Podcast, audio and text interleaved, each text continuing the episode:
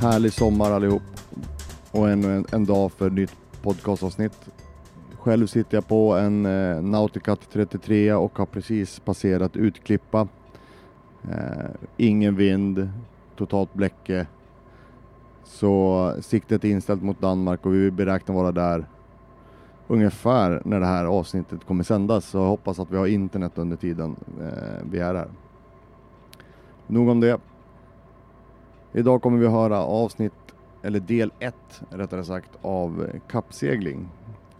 Vi kommer gå igenom eh, grunderna om eh, kappsegling, startförfarande och lite vad som krävs för båt och kan man segla kap, köra kappsegling med sin egen båt. Vi har ju fått äran med att ha med oss Odd Lindqvist som kommer guida oss i de här tre delarna under sommaren och hösten eller sensommaren. Och har ni själv frågor och funderingar kring kappsegling så skicka in dem till oss till info at jourlivet.se och märkt, märk det med kappsegling. Så ska jag ta det med Odd och så ska vi gå igenom det. Um, och så ska vi se vad vi kan få ut av det här. Jag är själv är ny i det här med kappsegling. Jag måste testa själv, har sagt, för att se vad som går.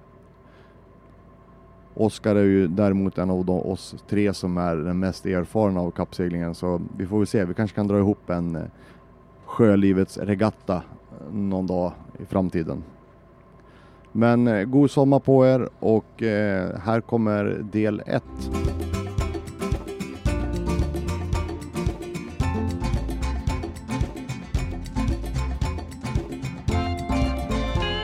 Vi har ju då pratat ett bra tag om att vi ska köra ett kappseglingstema och nu är vi ju under del 1 som vi har gjort någon hobbyrubrik på intro till kappsegling och jag sitter ju mitt emot dig Odd Lindqvist. Välkommen! Tack så mycket!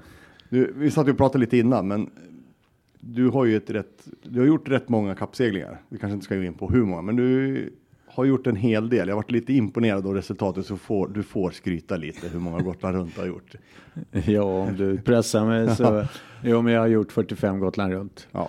Uh, och jag uh, tror jag har nästan 30 på pallen och tre totalvinster. Uh, och sen har jag gjort en hel del annat ja. i kappsegling, men det är väl det som jag kanske, farbror Gotland brukar jag kallas. Ja. Men i alla fall, det finns i alla fall tyngd i, det, i din kunskap om kappsegling i alla fall. Du vet vad du pratar om i alla fall. Ja, men jag har varit involverad i seglingen på många sätt. Ja. Eh, allt från mätning och, och, regler till konstruera båtar och, och, och sådär. Så att, jo, men jag har, jag har en ganska bred bas bakom mig. Kul. Och det, det, är kul att du ändå vill vara med och i alla fall guida mig i det här med kappsegling. Jag vill ju själv testa på kappsegla eh, eller köra Gotland runt nästa år. Men eh, det ska bli kul att se var vi hamnar och kanske bli lite klokare i det här. Ja, kul. Så, um, Jättekul. Ja, ja vi, jag är jättetacksam. Så jag tror vi kör igång med en enkel och första frågan. Vad är eh, kappsegling? Enkel fråga, en stor fråga kanske, men, men hur ska man definiera kappsegling? Ja, det, det är så här, meningen med livet-fråga. Ja, lite så faktiskt. Men hur definierar du kappsegling för din del? Eh, ja, men det är så brett. Eh, vi har ju en jätterolig onsdagskappsegling i klubben mm. och det har väl ni också. Jajamän. Och, och den drar folk från runt hela Baggensfjärden och, och Nacka till exempel, då, där jag bor. Uh, och, och, den är ju den är helt underbar. Den, det är korvgrillning efteråt och, och det sociala verkligen. Mm, mm. Sociala ombord uh, på den båt man seglar och det sociala i land efteråt. Och det, det, det, det är sammanhållande på något sätt. Och sen så Uh, I andra änden så är det klart, vi pratar Volvo Ocean Race och, och America's Cup och, ja. och, och, det finns ju hela spännvidden däremellan. Det finns möjlighet att egentligen segla med alla typer av båtar uh, och ambitionsnivåer. Mm. Du, du var inne på det, men om man ska gå från grunden då. Uh, hur, hur gör man för att börja kappsegla? Ja, jag tror att först då får man ju då fundera på, har man redan materialet? Eh, och, och, eller ska jag köpa en mm. ny, någonting nytt? Och, och, då är ju alltid livet kompromisser. Ja, du har själv valt en 30-fotare som du ska ja. kunna segla med familjen också. Ja. Och så här ser det väl ut idag. Eh, när jag höll på på 80-talet då seglade vi ganska speciella kappseglingsbåtar kan man säga. Rörkojor och väldigt spartanskt. Det stod en toalett i mitten i princip. Okay. Det är ungefär som du tittar på en, en eh, en eh, Volvo Ocean Race-båt mm. kan man säga, fast vi hade mindre båtar. Ja.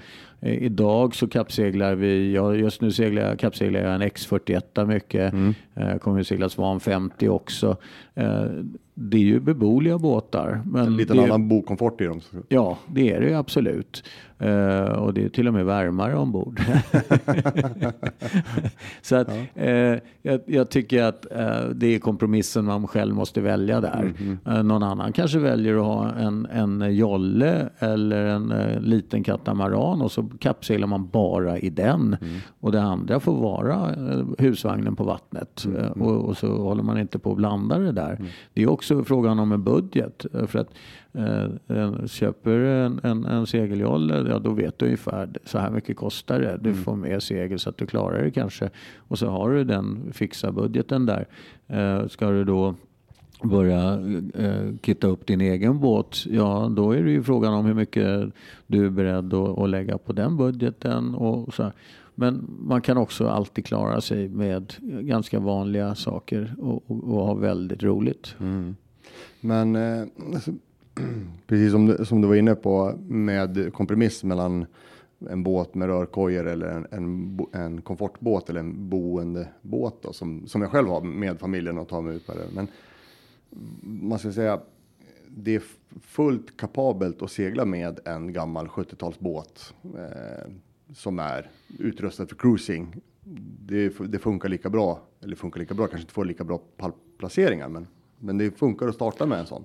Ja men alltså tävlingsmomentet eller utmaningen ja. eller det att man vill, utmaningen kan ju vara att man vill lära sig det här. Ja. Den har du ju i vilken båt som helst. Mm. Alltså jag har ju ställt upp i regattor där vi, med båtar som vi anser var väldigt tråkiga per definition. Uh, men alla hade ju sådana båtar. Ja. Och det var ju samma tävlingsmoment i det. Mm. Det är samma tävlingsmoment när vi står och seglar radiostyrda båtar och står och, och, och darrar på, på spakarna. och, och, så att du kommer ju ändå uppnå det där. Och det, det, det är likadant om du har seglat bara i lederna. Vi säger vi har seglat ner till Västervik. Mm. Ja men nog, och du har en kul båt som, som rör på sig lite grann. Och 17 har du fått med besättningen och tycker att det är ett roligt tävlingsmoment mm. även det. Mm. Så att det, det kommer du ha egentligen hur du än gör. Det kvittar egentligen vilken båt man har. Det är, ja men det är som du säger, det är samma moment. Ja, det är det. Det är det. Så det, det, är jag inte orolig för att man inte kommer att fastna för tävlingen i det hela. Men eh, krävs det, krävs det någon typ av, eh, alltså man säger då för att köra en större båt, du ska kustskeppare och sånt där, men det finns ju ingen så tävlings, alltså du behöver inte gå någon tävlingskurs för att gå eh, kappsegling eller något sånt där. Nej, inte formellt. Nej. men det finns ju väldigt många bra kurser att plocka upp. och jag, jag tycker jag man, definitivt måste man ju ta kappseglingsreglerna på något sätt. Ja, alltså, jag har någon bok där hemma jag tittat i. Det känns, ja. Ja, men då kan man säga så här. Ja, regelboken, ja det är som att läsa lagboken. Men det fanns ett lagrum runt omkring. Ja. Och det är ju den man då eh, bör få hjälp med. Det vill säga att eh, någon som tolkar reglerna och gör det på lite populär eh, skrift. Ja. Eh, vi läste ju alltid eh, Bengt O Hults eh, sådana böcker. Och, och, sånt här står sig. Att det, mm. det är ett sätt att lite lättare ta, ta till sig Uh, och, och, har man inte det där, då kanske inte kappsegling blir roligt. För då kommer folk ställa krav på att du kunde reglerna och du står där och, och blir yr i mössan av hur alla ropar. Det är lite skönare att veta att Uh, nu gör jag det här enligt regeln mm. och, och, den som ropar kanske inte faktiskt vet vad den vet. Mm. Så du måste ligga på toppen av att veta reglerna annars så kommer du, annars får du lägga dig vid sidan om de andra Ja. och inte hamna i situationer. Okej, så en, en bra grund är att läsa på lite regler Absolut. och sen kanske hänga med ut och testa Ja, på. absolut. se Sen om seglarna fladdrar lite konstigt, det är, liksom, det, det är din sak. Mm, Men det här andra, det, det är gentlemannadelen av, av sporten. Ja, ja, och resultatet såklart. Ja.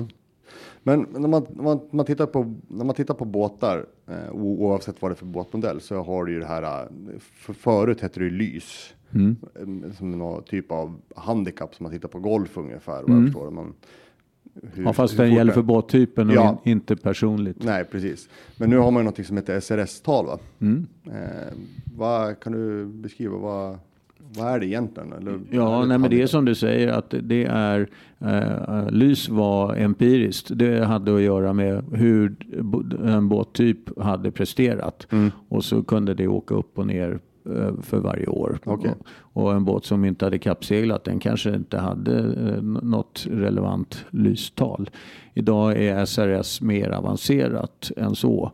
Eh, man gör beräkningar på båtens tänkta prestanda. Eh, och så får du ett handikapptal för den, den båttypen och kanske anpassat för vad du har för segel till exempel. Har du inte spinnaker så får du kompensation för det. Okej. Så det är inget, det, och det här är, SRS är lite enklare än vad de här andra är som man seglar internationellt. Uh, ORCI till exempel. Som jag nu kommer att segla med den här X41. Men jag kunde lika gärna ha seglat eh, i SRS. Det gjorde vi på Lidingö runt till exempel Okej. med samma båt. Jaha, Så det där kan man mixa. Mhm. Så, men, men det här, man har ju, jag har hört talas också, man pratar mycket om mätbrev. Man, man tittar på, för det är ju någonting som man, man besiktar eller man mäter av, någon, någon kontrollant mäter Ja. av båten. Och det är Ja. för att få framställa det här SRS-talet då. Ja, exakt. Ett, ett mätbrev har du egentligen på alla typer av båtar som du ska kappsegla med. Okej. Det hade du för en Finjolle också. Men det är ett fysiskt dokument då alltså? Ja, det är ett dokument som talar om, eh, och det har jag för min radiostyrda båt också, som Jaha. talar om att, att den följer den klassregeln när det gäller måtten på båt, och vikt och, och alla sådana saker. Eh, Men även segel och, och, och mast och, och allt det där.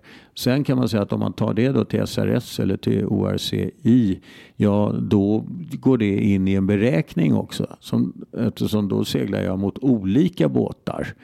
Då kommer du att segla kanske mot den här X41. Ja. Och, och då så finns det beräkningar som, som, som talar om eh, hur allt det där är värderat då. Ja, Hur fartgivande det är att ha en styrbåt eller mycket segel eller långbåt eller Mm. så. Och så viktas allt det där ihop då. Och då Och- blir det inte den som kommer först i mål vinner heller. Nej, det är det inte. Ja, beroende på vad man har för startordning. För i vissa starter så gör man omvänt. Så att du startar baserat på ditt handikapptal. Du startar inte i klungan, Ja, alla båtar. Och då är det i princip eh, lite beroende på om de vill, vill räkna om för vindstyrka och så. Så eh, är det först i mål som gäller i så fall. Eh, I annat fall så är det gemensam start. Ja, då kommer man att räkna efteråt vem som vann baserat på den seglade tiden som du gjorde och ditt, eh, ditt eh, handikapptal.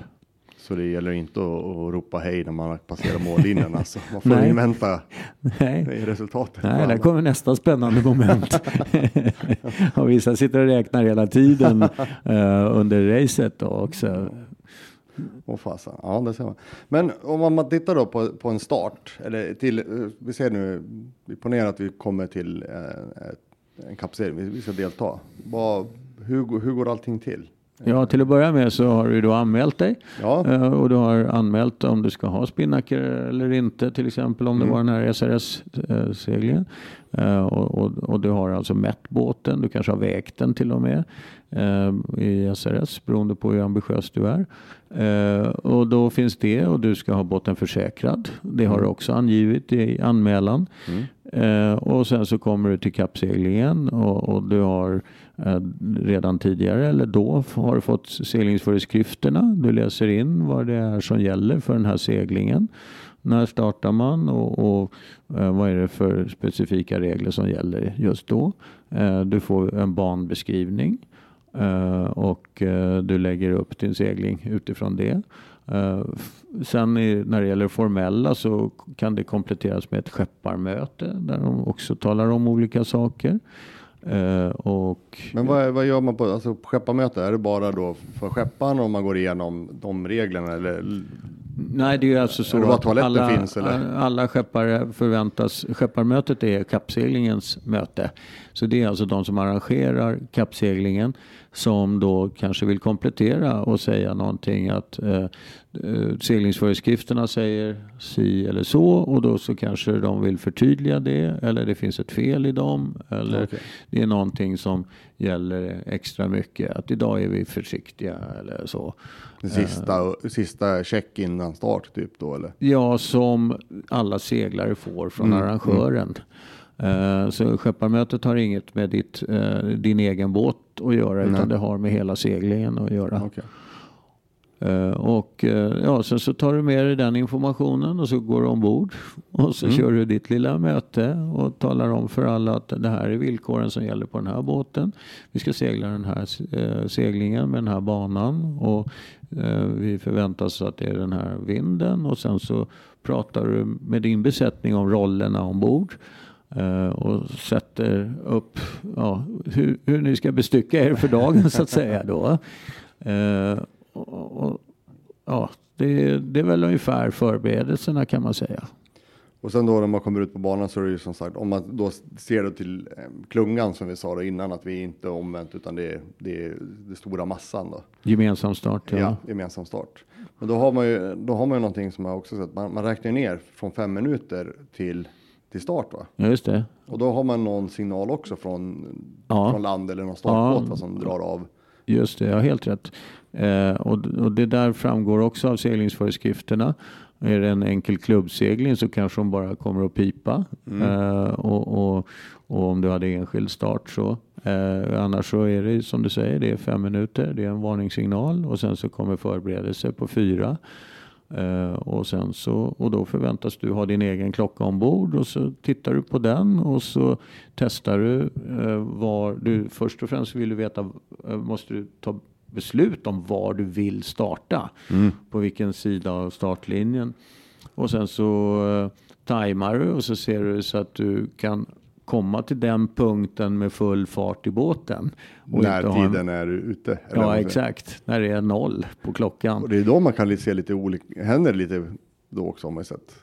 I klungan då när de ska samlas upp där inför nedräkningen där. Ja, ja alltså hela den, den saken har ju att göra med att man kanske inte kommer att välja var den värsta klungan är. Nej. Utan man kanske går lite bredvid klungan. De kommer att få problem med varandra och du rundar dem och, och ser till så du har högsta fart. eh, Och kan segla din egen segling. För det är ju en av de viktigaste sakerna. Att det, det är att inte det är de andra båtarna som styr var du ska vara någonstans. Utan du ska segla din egen segling. Så starten är den är jätterolig, den är lite nervös eh, och, eh, och sen så ja, sen är det bara att börja segla seglingen. Jag har ju sett några, jag tror jag såg någon om det var starten på Lidingö runt här. Den, det ser ju rätt, alltså, ja, den ser svettig ut. Ja, alltså, du kanske såg en film som var dessutom filmad från våran båt med Ja. eh, ett antal eh, episoder. Ja, det var nog just Eh, den. Ja, och, och där var det väl inte frågan om att de inte hade läst på reglerna, men eh, man kan väl säga att de tände på reglerna lite väl mycket och, och det blev lite krockigt och, och sådär. Och, och det där tjänade ju de kanske inte riktigt på själva heller. De satte sig i en svår situation. Men, men, men en sån här situation då, om man säger där det sker någonting, eh, antingen innan start eller sådär. För man har ju ingen domare som i andra sporter, fotboll, som mitt i plan som, som är utan. Ja, i vissa seglingar har man det. Okej. Eh, Men det kommer inte vara kanske de seglingarna du seglar med, med just din k- um, kölbåt så här. Ut- Men i jolleseglingar och så, så har man ju direktdömning. Okej. Och Men det då har man vi när vi med- seglar radiostyrt också. Men då har man någon protestflagg va? Man om? Ja, alltså Man- i man ditt skickar- fall då om du säger att du då tycker att det var någon som uppförde sig dåligt. eh, då, då sätter du upp din protestflagg, pekar mot den du protesterar mot och sen så kommer det att bli en förhandling efteråt. Okej. Eh, och där den personen eller den skepparen kanske väljer redan i och för sig på banan att ta ett alternativt straff då. Vilket innebär att man gör ett 360 graders eller 720 graders straffsväng. Ja. Alltså, eh, och där, där du tar ditt straff direkt och slipper en protestförhandling Mm. efteråt. Men annars då, en sån här protestförhandling, då sitter man skeppare och skeppare och någon domar och diskuterar situationen som hände. Och Ja. argumenterar för sin sak då eller? Ja, just så. Så är det. Och det är någonting som eh, ingår också i att man, man måste vara duktig även på den delen. Så man inte blir diskvalificerad i, i, i ett felaktigt läge. Eller felaktig anledning. Så ibland kanske det är bara bättre att vara gentleman och göra sitt varv. Ja, Mm. det kan det absolut vara. Okej. Det var som fasen. Men eh, då, för jag har ju sett vissa gånger, har ju, i alla fall om man går till, sig- till sig själv då, så har man ju tittat på de här små kappseglingen så har man ju då startbåten eller målbåt eller vad man kallar det för. Man kör ju, man kör ju startskott eh, och sen har man också flagg, signalflaggor också. Ja, just det. Det ingår i det där som eh, vi sa med varningsflaggan och Mm. kommer upp i, i fem minuter innan och sen, och sen så och det är klassflaggan och sen så kommer det upp en flagga som säger att nu är det fyra minuter kvar Mm. samtidigt som de skjuter. Så det, är, det är flaggan som gäller. Skulle skottet missas så är det flaggan som Okej. gäller. Så när du lär dig reglerna då ska du också lära dig startprocedurerna. Det, det ingår i, i regelboken så har Ja. du alla de sakerna. Okej. Så man har lite att läsa i på, på, på kvällen i alla Ja, fall. det har man Kanske absolut. ska, Ja. kanske ska titta i den där då. Ja, det måste du faktiskt. Jag inte bara rekommenderar, jag, Jag måste. säger måste. Ja, ja. ja jag, får, jag, jag ska titta i den där. Mm. Men när man då har sin, vad man nu som för min del, då, jag har bestämt mig nu att nu ska jag, nu ska jag mästra på med Gotland runt då, men vi säger min lilla tisdagssegling som vi har hemma i Västerås då, köra, sticka iväg då. Förutom min båt och min besättning och, och segel såklart, men är det någonting mer som är obligatoriskt som man måste ha, förutom flytväst såklart då, men finns det något mer som säger enligt några nå regler och sånt där, att det här skall finnas ombord? Ja, så det var ju att den var försäkrad nummer Ja. ett. Då. Eh, och eh, sen så är det ju där, eh, flytväst är obligatoriskt numera. Ja. Eh, och eh, sen så är det upp till vad det är för typ av kappsegling. Okej. Så det finns olika klassificeringar. Så ska du segla eh, Åfor, eller alltså Gotland Ja. runt som det eh, kallats tidigare. Så då är det säkerhetsklassning som gäller. Eh, Det finns i basen en internationell klassning Mm. och sen kan man göra avarter på det för speciella seglingar. Man har till exempel nu för Åfor tagit bort kravet på flotte. Så att det här är upp till varje segling. Seglar du in i Mälaren så behöver du inte tänka så mycket på de här sakerna. Ja, ja. Utan då, då får man läsa på om det är SRS man ska segla. Ja, då får man läsa igenom SRS. Eh, Plus att du har ett mätbrev som talar om eh, vad du får ha maximalt för antal segel och sådana saker. Så att du får liksom en box som du ska uppfylla.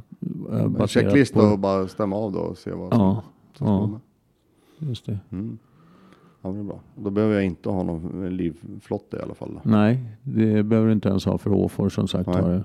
Uh, där ute kommer du däremot att behöva ha sele och, och, det kommer, och det är krav på alla möjliga sådana säkerhets... Ja, jo, men jag har sett någon checklista de har Ja. på sin hemsida. Den är rätt bra att titta igenom på. Jättefin, ja den är jätte, jättebra. Den kan vara nyttig för vilken cruisingseglare som helst Mm. och, och läsa på. Det är mycket som man glömmer bort. Att eh, där står det faktiskt att man ska ha någon form av träpluggar, koniska kallas det för. Mm. Så att man kan eh, ta och, och om man får en läcka så, så ska man kunna Mm. trycka ner dem där. Och det kanske är bra även om du får ett åsknedslag. Och Ja, visst. det händer saker i, botten på båten. Ja, det, det vill man ju aldrig Nej. att det ska ske. Nej. Om jag nu ska ut på, på, på Mälaren och latcha lite nu då och står där med min, eller är ute nu med min båt och min besättning. Vi, nu, vi taggade till tänderna nu. Vi har skottet som slår av, fem minuter kvar och vi är taggade som 17. Har du några bra tips? Alltså så här bra nybörjartips hur fasen ska jag göra? Vad ska jag tänka på? Ja, men alltså det, du vill ju hålla dig eh, nära startlinjen Ja. Eh, så att du hinner få upp farten. Och eh, referenspunkter.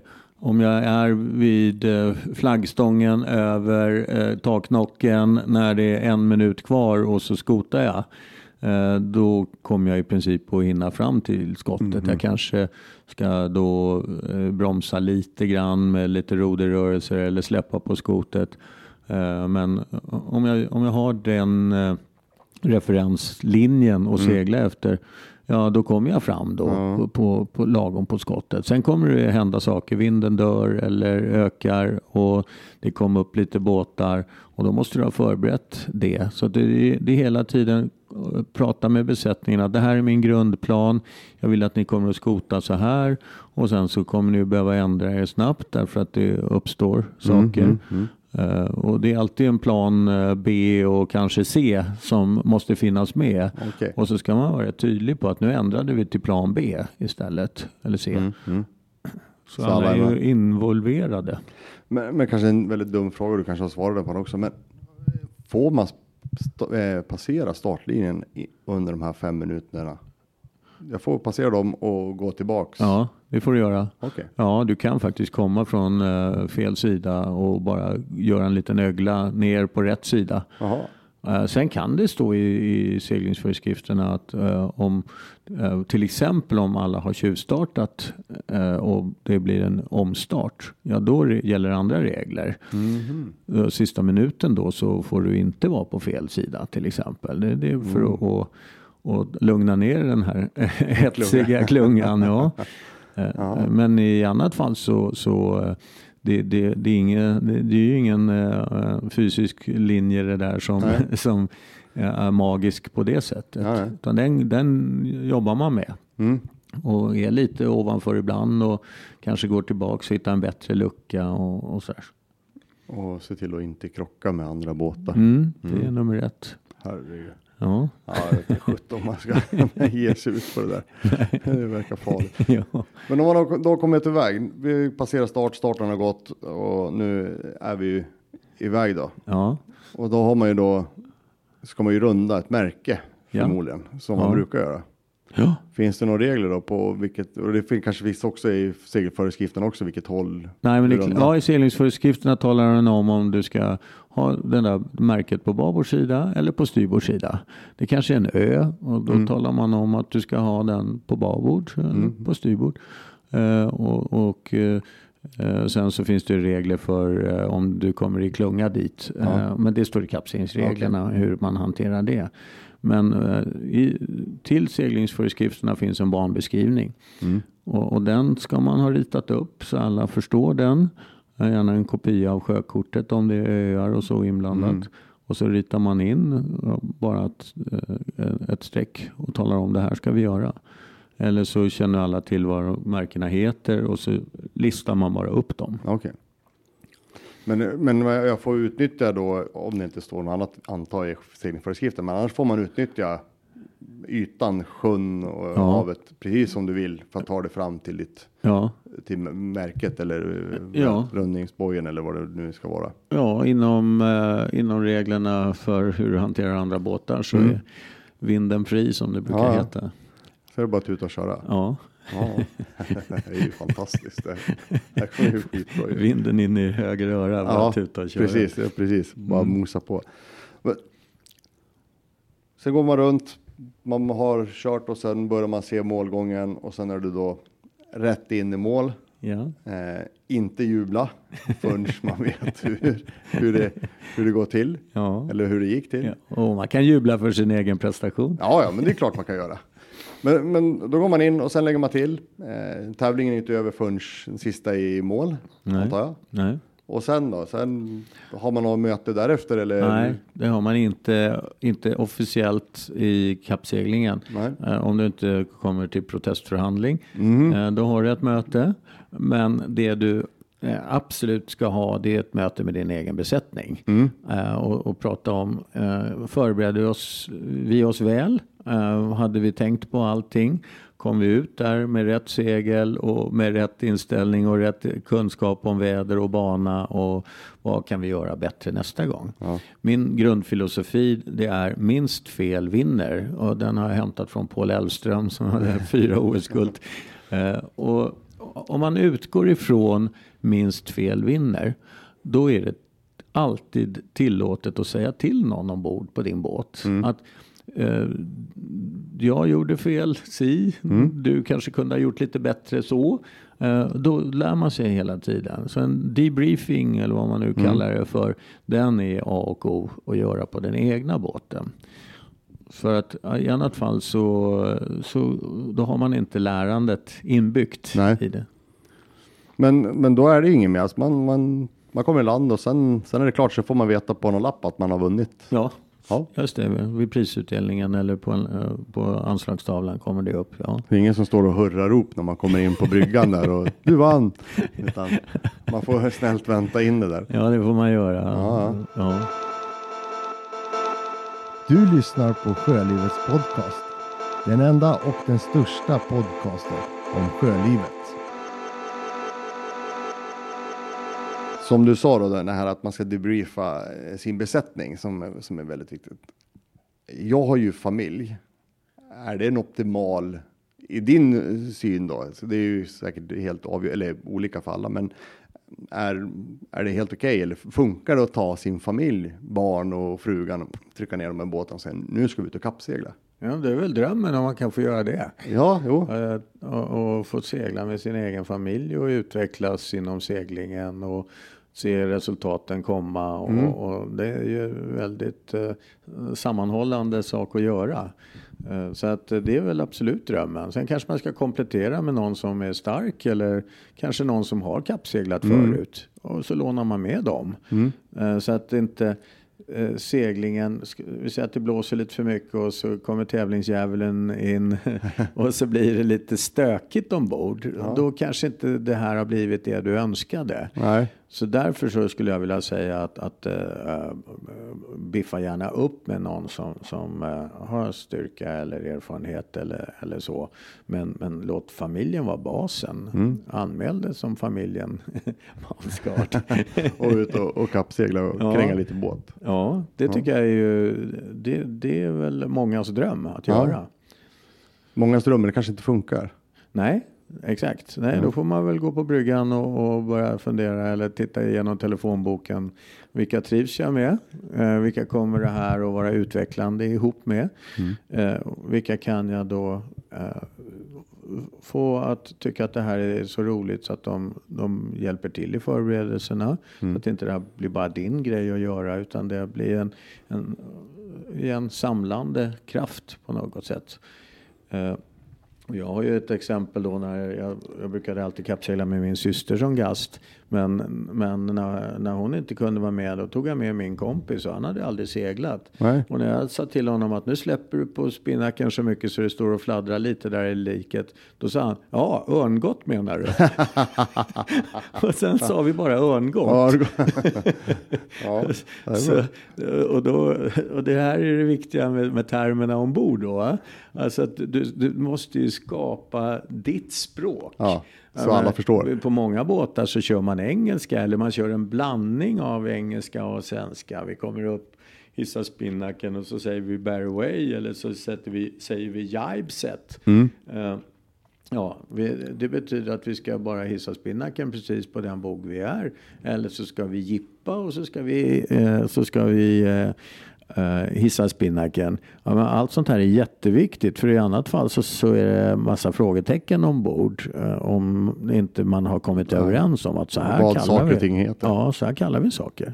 Man brukar tänka, det, har ju, det måste ju vara en jäkla stor, när man tänker efter, det måste ju ha ju mycket med säkerheten att göra. Ja, det har du också. Så, man vet vad, om någonting allvarligt också händer. Ja, trivsel, eh, resultat, eh, säkerhet Ja. det ligger eh, väldigt mycket i det här. Och det här, det finns många saker man kan träna eh, och, och det är ju manövrar. Alltså hur gör vi ett slag ombord? Hur gör vi en jipp? Mm. Eller starten som vi var inne på. Och, och allt det här tränar man så som de rörelserna som det är. Men man tränar det också med, med de termer som man ska använda. Så man inte börjar byta de termerna sen när, när det väl är kappsegling. Utan det här går man ut och så gör man en första sån eh, träning. Och så kanske man skriver upp sakerna när man gör sin debriefing. Mm. Att vi var inte effektiva i slagen för vi klättrade på varandra och, och Rorsman gick i vägen och, och några borde gå en annan väg från sida till sida och när vi jippar så blev det väldigt trassligt med spinnaken. Eh, vi höll inte vinden i den. Vad gjorde vi för fel där? Eh, och, och kunde vi ha, ha kommunicerat bättre eller gjort bättre saker eh, med skot, med spinnakerboom, med alla möjliga saker. Så det här är, det här är egentligen A och O. Då, då, kan- att, jag satt och bara tänkte på, men barnen, det är ju perfekt att skicka upp dem i masten och kolla vad, vad vinden är någonstans. Det kanske man inte ska göra när det har, har med säkerhet att göra. Ja, om, de är dukt, om de är duktiga på att avgöra eh, så visst, så där gör man ju. Ja, jo. Eh, jo men man har ju sett på i alla fall Volvo Ocean som är uppe och Ja. letar efter vindarna. Ja. Ja, ja, Jo, jag vet inte vad du har för Nej, jag, jag, tror inte de är, jag tror inte de är så bra på att hitta vinden just nu. än. I alla fall inte än. Får se hur det blir. Men, då kan man ju, men, men om man går lite seriöst då, då skulle man ju då, eh, så som du säger, öva och träna. Man kanske inte behöver träna på, på just en, en tävling heller, utan man kan ju träna ett startförfarande mellan två prickar ute på fjärden någonstans bara. Tagga Absolut. till och se hur det går eller Absolut. Och känna av besättningen om man har. Och, Ja, och träna hur får man fortast in genuan om man använder genua efter slagen. Vem ska dra och, och vem ska vinscha och sådär. Det, det, och några jippar om man tänker använda spinnaker. och alla har sina fasta arbetsuppgifter eller positioner om man ska säga då. Ja. Ansvarsområden. Ja, de ska du helst skriva ner sen också. Ja, okej. Så att du, det låter lite, lite barockt, men i princip numrerar du besättningen, alltså funktionerna. Ja. Eh, och, och sen så, så spelar det ingen roll vem som kommer ombord och då ska den kunna läsa in att jaha, jag har en treans roll idag. Mm. Då ska jag göra de här sakerna. Så har du varit riktigt seriös, ja då gör du på det sättet. Jag bara klistrar en, en klisterlapp på flytvästen på ryggen på dem. Ja, men eh, det, det, det viktiga är att, att de bara känner att ja, men det här är så förberett. Så att det, här är, det här är roligt. Jag vet vad jag ska göra. Jag behöver inte stå där som en propellermössa Mm. Nej. eh, och inte veta vad min roll Nej, är. nej. Det blir allting mycket både säkrare och roligare. Mm. Och resultatet kommer bli bättre. Mm. Ja, jag ska se. Jag ska hem och prata med min, min familj och se om jag kan få med barnen också. Ja. Ut, ut och kappsegla. Ja, nej men det där som sagt då, det kanske börjar på semestern med att man bara bestämmer sig för att den där båten ska vi segla om. Ja, men det gör man väl alla va? Ja, exakt. Det är väl alltid kappsegling, så hobbykappsegling på, när man är ute på semestersegling. Man Jo, måste väl om alla båtar. Ja, det brukar växa lite horn i pannan. Ja. Så. Ja, men det, ja, men det gör det ju. Det, Ja. det, det har man ju med sig. Så Ja. får man väl bara jobba på startförfarande då. Nej, men man ska komma ihåg att förberedelser brukar man räkna till, ja det är, alltså, det är kanske 70-80 procent. Mm. Eh, och det är ju att båten är tillräckligt bra, eh, men sen är det ju hur besättningen ska hantera den. Det, det, det är absolut det som, som är, ja, gör att man gör ett bra resultat och att det blir roligt. Men om vi ska knyta ihop säcken här nu då. Så kan man ju då, efter jag har lyssnat på dig då, så kan man ju egentligen konstatera att egentligen vem som helst kan börja kappsegla. Ja, det skulle jag säga. Alltså, eh, har du någonting som flyter Ja. och som håller och som fungerar eh, så kan du ge dig ut på den här tisdagsseglingen och, och, och se till så att du eh, bara vet tillräckligt mycket om reglerna så att du inte förstör för andra eller att skapa situationer som inte blir roliga för, för din besättning. Och- Så det, det måste jag säga att det, det, är ambitionen för många av oss som har seglat mycket att se till så att fler förstår att de har ju faktiskt någonting som, som kan uppfylla det här. Och jag sitter ju i styrelsen för Stockholms seglarförbund. Ja. Jag vet seg, Svenska seglarförbundet. Man pratar ju jättemycket om hur man får loss båtarna från bryggan och börja göra det här. Och i något fall så kanske det är så att man tycker att man saknar segel. Ja, men ligger det två scampi där, slå ihop era påsar eh, och ta ena seglet eh, som passar bättre och ta eh, besättning från den ena och, och slå Mm. ihop det till den andra. Gör en merge på, på, på vad det är som skulle kunna funka bra. Ja. För det behöver inte vara den senaste grejen heller, utan det bara, handlar om att bara ha jävligt kul. Ja, kort sagt. Ja. Det är en bra Ja. sammanfattning tycker jag. Kul, kränga lite båt och avnjuta kanske en god lunch efteråt. Ja. Eller middag eller Ja. något kallt. Ja. Ja, nej, men det, det är så. Var nöjd med sitt, eh, sin eh, utveckling man gör. Mm. Steg för steg. Steg för steg. Det är liksom meter för meter, steg för steg. Sen kanske man sitter på en eh, Volvo Ocean Race-båt någon gång kanske. Ja, jag coachar ju ett, ett antal tjejbesättningar nu Ja. inför OFOR. Eh, och eh, jag frågade dem vad de hade för ambitionsnivå om man såg det här mer än ett år. Mm. Och, och de tände till på ambitionen att det ska inte vara givet att de just seglar tjejbesättningar. De ska vara efterfrågade. De ska ha utvecklats så mycket så de är efterfrågade till en besättning år två, tre, fyra någonting Ja. sånt beroende på Kul. eh, det, det, vad man väljer för plats ombord Ja. och som man passar för och som man utvecklar sig. Eh, Och apropå din ambition där att komma till en Volvo Ocean Racebåt. Ja. Nej, men man ska, eh, man ska tänka på att man utvecklar sig så att man, man blir eh, tillfrågad Mm. och, och kan vara med i fortsättningen. Kul. Men då ska vi ta och runda av lite här nu. Men jag får ju tacka jättemycket för att du är med och guidar oss i den här, i alla fall för mig, djungeln ibland. Eh, Vi kommer ju dela upp det här i tre delar. Nu har vi gjort del 1, Del 2 kommer vara, vi kommer ju prata med lite segelmakare och prata lite om de olika seglen. Allt från det här gamla seglet man fick med i båten när man köpte till eh, high edge, top notch, kevlar eller vad det nu det senaste är. Och kanske lite vind i det där och hur det påverkar. Och sen del 3 kommer vi prata lite om eh, båttyper, men också knyta ihop den här säcken som vi haft och prata om eh, med en båtskola lite och se vad de kan erbjuda i det här om man vill lära sig. Men har du någon bra tips vad man kan eh, göra när säsongen tar slut då? Lägger man allting på hyllan och bara glömmer allting och sen kör man på nästa gång eller? Ja, men då börjar ju en ganska rolig fas i det hela. Att titta på vad är det vi ska segla nästa säsong och vad behöver vi kunna då? Vilka kurser ska vi gå då? Ja, regler var ju en sak som Ja. sagt var. De kan man alltid bli bättre på. Eh, väder är ju, det är ju så avgörande. Och för mig har det ju blivit att det är ett stort intresse med meteorologi. Eh, Den är ju och- rätt avgörande också i ja, segling. Ja, det är helt avgörande. Eh, och, och, och att förstå lite mer varför har vi de här molnen eller vad, när kommer vinden på dagen Mm, och, och sådana saker. Det är, ju, det är ju rolig allmänbildning bara. Och kan man göra det där tillsammans och hålla ihop besättningen. eh, man tar in någon som kan det här Mm. kanske har en middag hemma eller man börjar arrangera det här på klubben. Då kan man ju få väldigt eh, rolig sammanhållning under vinterhalvåret. Så det finns mycket, just det här apropå segel då. eh, Hur, vilka, vilken litteratur ska vi läsa på?